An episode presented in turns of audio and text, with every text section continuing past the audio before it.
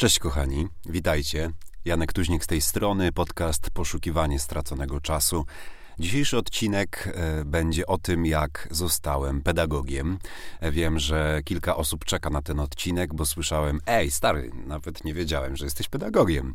A otóż jestem. E, jakąś taką żyłkę pedagogiczną zaszczepiła we mnie moja mama, która była wieloletnim pedagogiem. W tym momencie jest na emeryturze. Emerytowaną jest nauczycielką polskiego, także mam nawet takie jakieś chore zboczenie na punkcie poprawiania ludzi, chociaż kiedyś robiłem to obsesyjnie, a teraz już y, nawet jak ktoś powie wziąć, to gryzę się w język i staram się mu tego nie, nie wypominać, bo już kilka razy spotkałem się z bardzo negatywną reakcją, chociaż uważam, że krzywdzimy nasz polski język.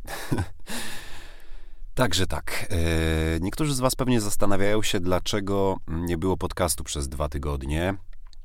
I chciałbym z tego miejsca zapewnić, że podcast będzie od teraz wydawany regularnie, co poniedziałek. Ewentualnie, gdybym miał jakiś poślizg, to we wtorek y, i będą oczywiście te odcinki cotygodniowe. Dlaczego nie było podcastu? E, wiecie, czasem jest tak, takie się dzieją rzeczy w życiu, takie jak mnie teraz spotkały i moich bliskich, że spotykamy się ze śmiercią. I mnie właśnie taka śmierć teraz dotknęła w mojej rodzinie. E, było to związane z pogrzebem. Nie chcę się, nie chcę się mm, zagłębiać w to, kto umarł i, i dlaczego, e, ale po prostu musiałem wesprzeć moją rodzinę, moją żonę. E, I, i, I po prostu takie rzeczy jak podcast zeszły na, na plan dalszy i to jest naturalne. I wrócę jeszcze do tego tematu na koniec podcastu. Ale tymczasem e, o tym, jak zostałem pedagogiem. Mianowicie studiowałem e, w szkole teatralnej, to już wiecie, i kiedyś siedziałem w palarni jeszcze wtedy paliłem papierosy z moim dobrym przyjacielem, z którym do dzisiaj utrzymuję kontakt z Miłoszem, któremu zresztą urodziło się niedawno drugie dziecko. Miłosz, jeżeli tego słuchasz, to gratuluję. E, I będzie się nazywał e, ten e, syn Zygmunt. Bardzo mi się podoba. Zygmuś. E, w każdym razie siedzieliśmy sobie w palarni i ja szukałem jakiejś pracy na, na wakacje i on powiedział, słuchaj, są takie obozy aktorskie z takiej firmy turystycznej, która zajmuje się wypoczynkiem dla młodzieży i szukają instruktorów. Wystarczy zrobić kurs wychowawcy. No i ja zrobiłem ten kurs wychowawcy, kosztowało mnie to 99 zł i tak się zaczęła moja przygoda e, z tą firmą i z takim projektem, który się nazywał Intercamp. Polega to na tym, że Intercamp y, składa się z wielu obozów o charakterze artystycznym. Są obozy aktorskie, wokalne, muzykalowe, rockowe, gitarowe, japońska przygoda z mango, której też byłem raz y, wychowawcą, tak się akurat złożyło. I w każdym obozie jest około 10-20 osób, y, jedna bądź dwie osoby z kadry, wychowawców, instruktorów i w sumie powstaje taka niezła artystyczna młodzieżowa kolonia. Bardzo fajna sprawa. I chciałbym zacząć od swoich pierwszych dwóch turnusów. Pojechałem na dwa turnusy pod rząd. Pierwszy interkamp duży dla dzieci 14-18 i drugi mały dla dzieci do 13 roku życia od 8. I oczywiście, jako że jestem rudy i mam takiego farta, e, mówiąc sarkastycznie, jakiego mam, e, ironicznie bardziej niż sarkastycznie, e, to e, na pierwszy, i to nie jest zbyt wesoła historia, ale muszę o niej powiedzieć, to na pierwszym moim obozie, na którym byłem wychowawcą, instruktorem, e, miałem dziewczynkę, która się nazywała Suzy. Myślę, że mogę zdradzić to imię. E, która na obozie chciała popełnić próbę samobójczą. Znaleźliśmy ją kiedyś w pokoju z moim kolegą, z którym prowadziłem ten obóz jak właśnie kończyła rozbierać e, maszynkę, e, żeby dobrać się do żyletki. I słuchajcie, i okazało się, że nie ma kontaktu z jej rodzicami zupełnie, bo wyjechali na dwa miesiące na Kretę. E, jej opiekunka w postaci jej babci też nie odbierała telefonów, i w takiej sytuacji bardzo trudnej, mm, jeżeli nie można skontaktować się z opiekunami, to po dwóch, trzech dniach kierownik, obowią, e, kierownik obozu nie tyle może, może, tyle co musi, musi wysłać taką y, dziewczynkę do pomocy społecznej. I było to bardzo dramatyczne. My, pamiętam, spaliśmy z Michałem, z tym moim y, kolegą, z którym prowadziliśmy ten obóz y, w izolatce na podłodze z tą dziewczynką. I to był pierwszy mój obóz. Z pozytywnych rzeczy, oczywiście nic jej się nie stało, ale lekarz zakwalifikował ją do le leczenia psychiatrycznego. E, I to był mój pierwszy obóz. Z dobrych rzeczy z tego obozu poznałem właśnie tego mojego kolegę Michała, Michała Buszewicza, który w tym momencie jest naprawdę wybitnym polskim dramaturgiem. E, wiele lat był kierownikiem literackim w Teatrze Starym w Krakowie. Naprawdę pozdrawiam Michała i bardzo, bardzo go cenię jako artystę, wspaniały człowiek. Także choćby dlatego warto było na ten interkamp pojechać. Drugi mój turnus, który zaczynał się bezpośrednio po, żeby było wesoło, e, to e, na tym obozie był kot. W sensie jedna z, jedna z e, dziewczyn, która prowadziła obóz, chyba foto, Natalia, musiała zabrać kota, bo był chory i nie miała go z kim zostawić i tak dalej. Tylko, że dzieci nie mogły się o tym dowiedzieć. A ja pierwsze, co zrobiłem, jak spojrzałem w karty medyczne moich wychowanków, to zobaczyłem dwie osoby uczulone na sierść kota. Także wspaniale. Na tym samym, e, na tym samym e, e, turnusie był też chłopiec, który miał w kartę medyczną wpisane uczulenie na lateks. I oczywiście wszyscy z kadry bardzo się z tego śmiali, ale do czasu, ponieważ jak się zastanowicie, to pierwsze, co robicie przy pierwszej pomocy, jakimś skaleczeniu czy czymś takim, nawet to było jeszcze w czasach przedpandemicznych, to zakładacie lateksowe rękawiczki. Także miałem chrzest bojowy w postaci takich dwóch turnusów, e, a potem już było fajnie. Potem już było fajnie. E, pamiętam, że najwięcej turnusów pod rząd to zrobiłem cztery i to było prawie dwa miesiące tak zwanym ciurkiem. Bardzo lubię to słowo. Ciurkiem, ciurkiem, ciurkiem. Macie, macie czasem tak, że mówicie sobie jakieś słowo, które znacie od dawna, ale powiecie je wystarczająco dużo razy i wtedy wydaje wam się zupełnie obce. Wiem, że może brzmi to dziwacznie, ale ja tak mam. Na przykład ołówek, ołówek, ołówek, ołówek, ołówek. Dobra, już, już, już nie schizuję. E, w każdym razie ciurkiem cztery, e, cztery turnusy. Było to bardzo wymagające dla mnie, e, ale ale, że tak powiem, e, się udało. Ale chciałbym Wam opowiedzieć o dwóch moich wychowankach, których szczególnie zapamiętałem, mianowicie o Mai i o Łukaszu.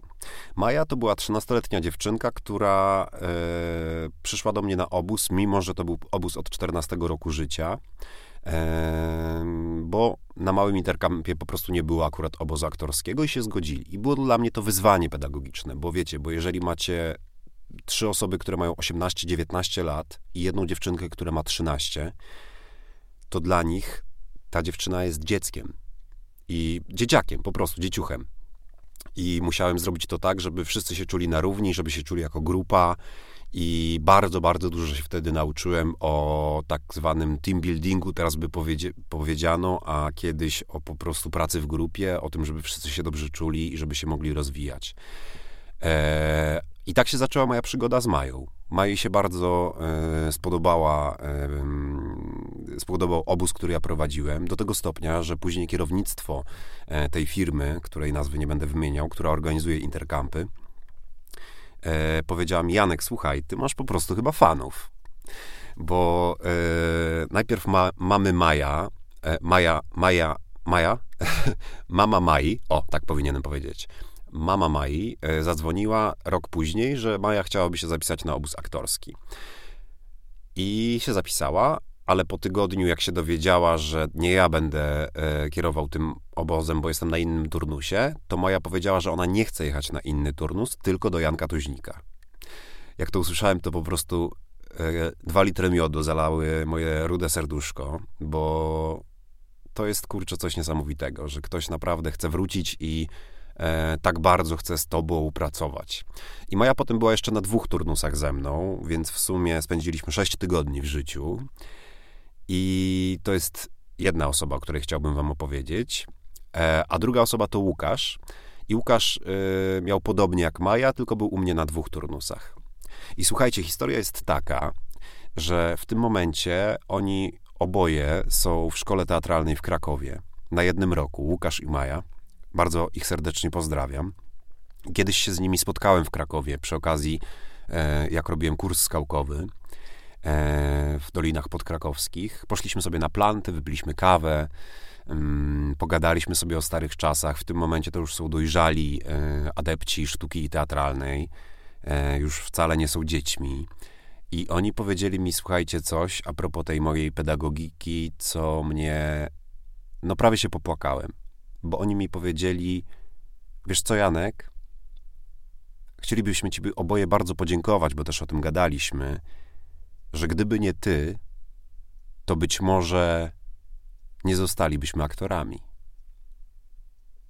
Nawet jak teraz o tym mówię, to e, kurczę, naprawdę wzruszam się, bo życzę Wam wszystkim, żeby poczuć taką satysfakcję, jaką ja poczułem w tamtym momencie. Taką, e, taką olbrzymią siłę e, tego uczucia, którego, kurczę, no, nie da się skompensować żadnymi materialnymi rzeczami. Żadnymi. Absolutnie żadnymi. I potem w sumie prowadziłem z 14 tak, e, takich turnusów. I, I, prowadziłem też właśnie obóz, e, to znaczy byłem tylko wychowawcą, instruktorką była inna dziewczyna, japońską przygodę z mangą i wiecie, wyobraźcie sobie dwudziestkę dziewczyn i jednego chłopaka, którzy chodzą w kocich uszach, prowadzą się na smyczy, e, mówią po japońsku, malują się, cały czas jest cosplay, to przebieranie i ogląda się z nimi te bajki i, i powiem wam coś. Na początku byłem przerażony, potem strasznie się polubiliśmy z tymi dziewczynami i ja do dzisiaj oglądam anime. I to nie są chińskie bajki. Anime to są, to jest animacja japońska. I możecie się śmiać, uwielbiam anime, do dzisiaj oglądam. Bardzo to była ciekawa przygoda. W międzyczasie też y, prowadziłem, słuchajcie, setki innych warsztatów. Prowadziłem warsztaty na przykład ostatnio w Akademii Impro e, z impostacji i emisji głosu oraz dykcji. E, prowadziłem bardzo dużo warsztatów teatralnych przy festiwalach teatralnych dla młodzieży. E, byłem kiedyś w Lanskoronie, gdzie prowadziłem e, też warsztaty teatralne dla dzieci z kolei. I powiem wam, że lubię to lubię to, to przynosi właśnie cholerną satysfakcję, zwłaszcza jak się widzi. To nie chodzi, wiecie, nawet o to, żeby nauczyć tych dzieci jakichś niesamowitych rzeczy, no bo e, rzeczy aktorskie, teatralne to nie jest nic, co można się nauczyć w dwa tygodnie, tylko to trzeba robić po prostu miesiącami, latami i powoli, powoli przejść do przodu i się rozwijać, ale najfajniejsze jest to, żeby sprzedać tym dzieciakom, tej młodzieży, tego bakcyla żeby oni zobaczyli, że ten teatr jest zajebisty. Po prostu. Użyję tego staropolskiego słowa. Tego, że teatr jest zajebisty. I wracając yy, do początku tego podcastu, yy, to chciałbym Wam powiedzieć, że śmierć w życiu to jest coś takiego, gdzie na, nachodzi człowieka refleksja na temat życia, na temat tego, w co warto inwestować, a co nie. Także mam do Was prośbę. Jeżeli ktoś by, no można tego posłuchać, można nie, przecież wolna wola, prawda? Nikt Was nie zmusza.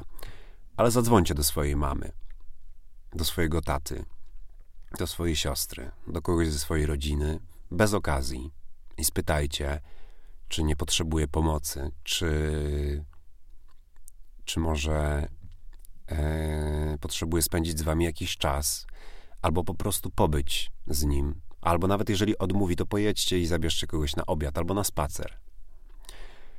Bo naprawdę może taka będzie puenta dzisiejszego odcinka, że warto inwestować w te niematerialne rzeczy, w relacje, w swoje umiejętności, w podróże, w przeżycia, a nie w samochody, telewizory i smartfony. Może to jest truizm, ale bardzo potrzebowałem to powiedzieć. I oczywiście na koniec mam cytat z Prusta. Oto on. Czasami przez popołudniowe niebo przechodził księżyc, jak chmura biały, dyskretny, bez blasku, niby aktorka która nie gra w tej chwili i która w zwykłej sukni patrzy z loży przez chwilę na swoich kolegów, chowając się w cień, nie chcąc zwracać na siebie uwagi.